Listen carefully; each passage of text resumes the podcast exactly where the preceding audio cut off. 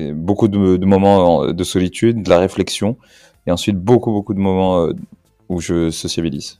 Et voilà, et les autres, ils t'acceptent parce que les autres t'ont accepté, voilà. Et ton CV est solide, et surtout que tu, tu matches bien le, ce que KO veut, quoi. C'est genre un Marocain qui, est aussi bien Marocain que Français, je dirais, tu vois, ou, occidental. People who have no hope are easy to control. Fejash Podcast غادي نحاولوا نتهلاو ونحافظوا على داك الأمل اللي فيقوا فينا الفريق المغربي في الكأس العالم. ونبينوا باللي بزاف الحوايج ممكنة. دونك في الحلقات ديال 2023 غادي نمشي نتلاقى مع مغاربة اللي رجل هنا رجل لهيه مغاربة قرروا يرجعوا بطريقة أو بأخرى للمغرب pour lancer des projets réaliser des rêves. Les plus fous d'ailleurs dans la terre des possibles. لأن المستحيل ليس مغربيا. جديدة بني مدلان toutes ces villes là Marrakech Rabat Fès Casa Agadir vu que je changeais tout le temps de ville genre c'était dingue tu, tu développes quelque chose inconsciemment où tu sais que tu vas être le petit nouveau dans le lycée tu vois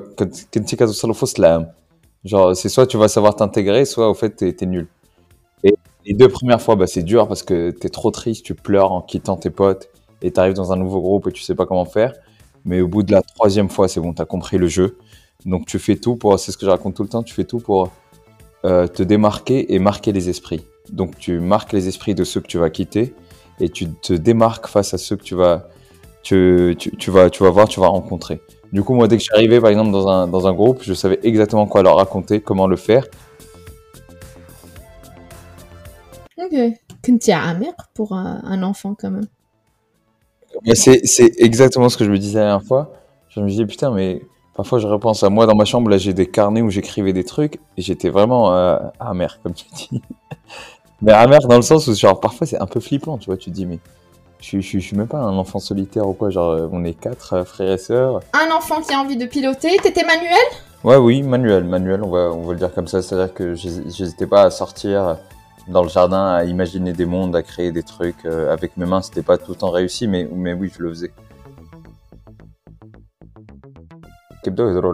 genre ton orientation, tes trucs, qu'est-ce que tu vas faire?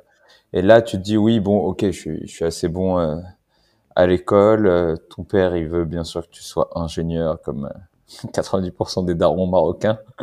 Dès l'ingénierie, dès l'ingénierie, ouais, ou le médecin, un métier genre noble tu vas pas lui dire papa ouais je vais je vais devenir artiste ou euh, ou je vais je, vais devenir peintre quoi. Et du coup tu te dis bah c'est quoi le un peu le l'idéal un peu le, le, compromis entre les deux bah, c'est l'architecture. Tu dis que tu es architecte et que tu dis que ouais exactement. Et là c'est bon. C'était avec un, de mes meilleurs potes à l'époque euh, genre je, on s'est mis cette idée dans la tête comme quoi on allait devenir architecte. Et c'est trop triste parce que on a passé les concours lui il les a ratés moi je les ai eus et c'est comme ça qu'on s'est séparés. On s'est revus genre quelques années après. Lui, il avait fait des études de commerce et il kiffait pas du tout. Et aujourd'hui, lui est devenu musicien.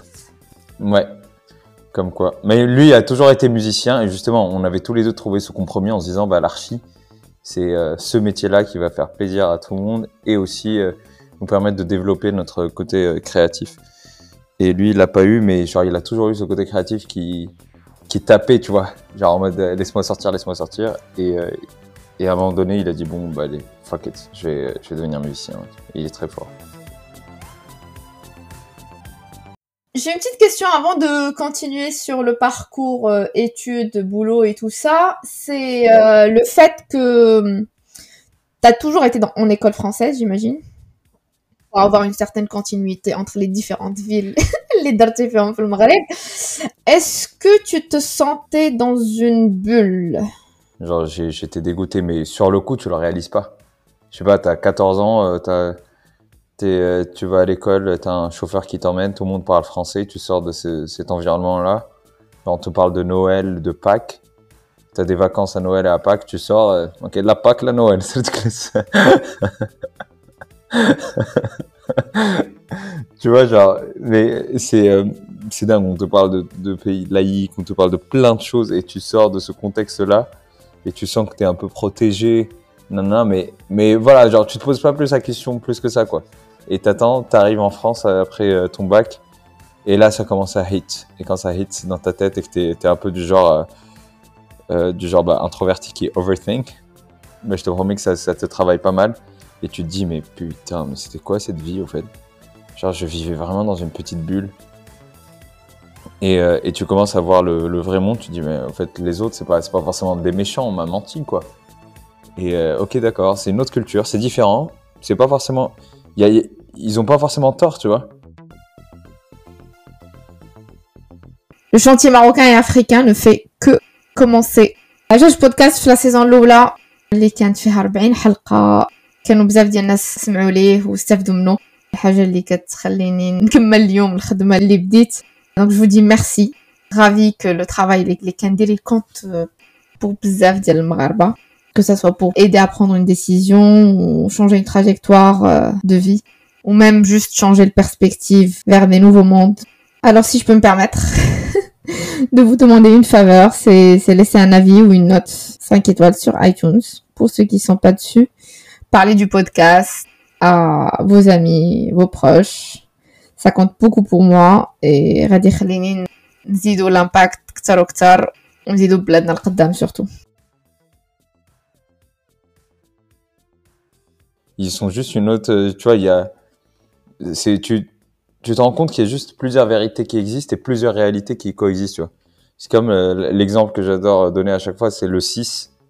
Genre, t'as as deux mecs qui sont de part et d'autre d'un 6. Il y en a un qui le lit comme un 6 et l'autre comme un 9. les deux ont raison, tu vois, c'est juste une question de point de vue.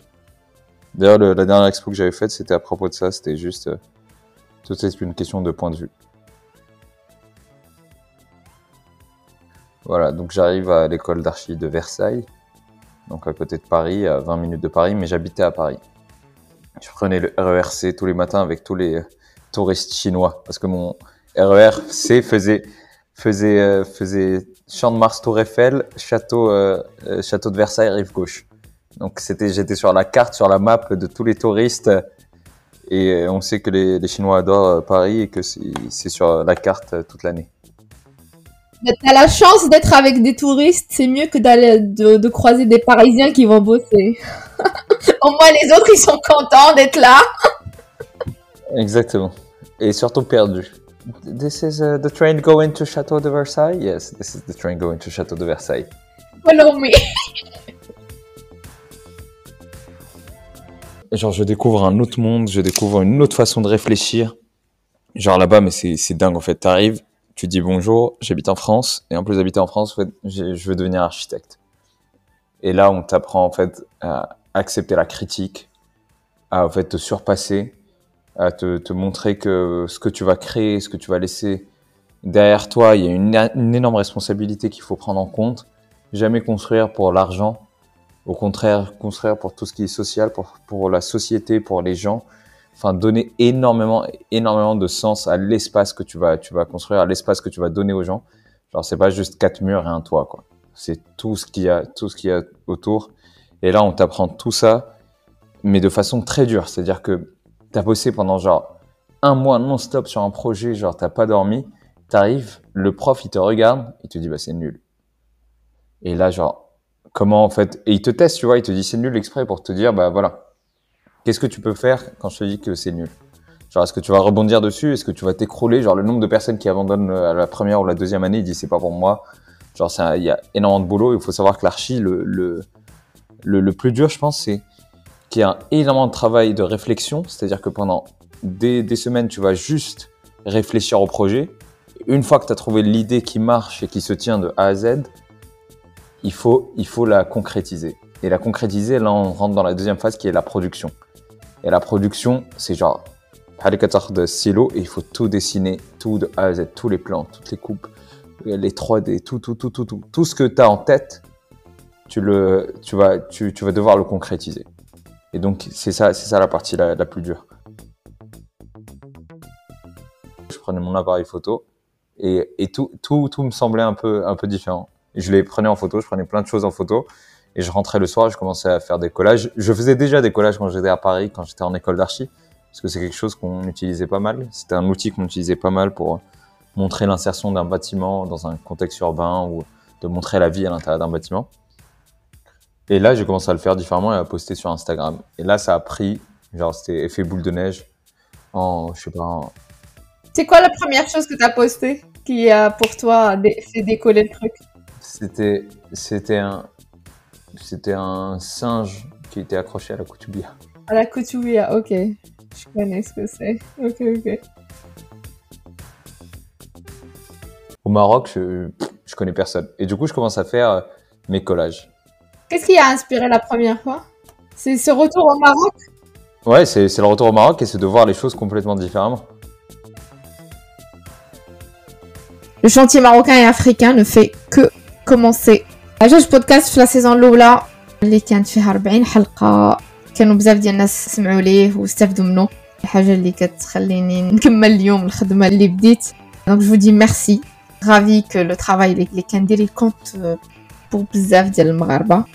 que ça soit pour aider à prendre une décision ou changer une trajectoire euh, de vie ou même juste changer de perspective vers des nouveaux mondes alors si je peux me permettre de vous demander une faveur, c'est c'est laisser un avis ou une note 5 étoiles sur iTunes pour ceux qui sont pas dessus.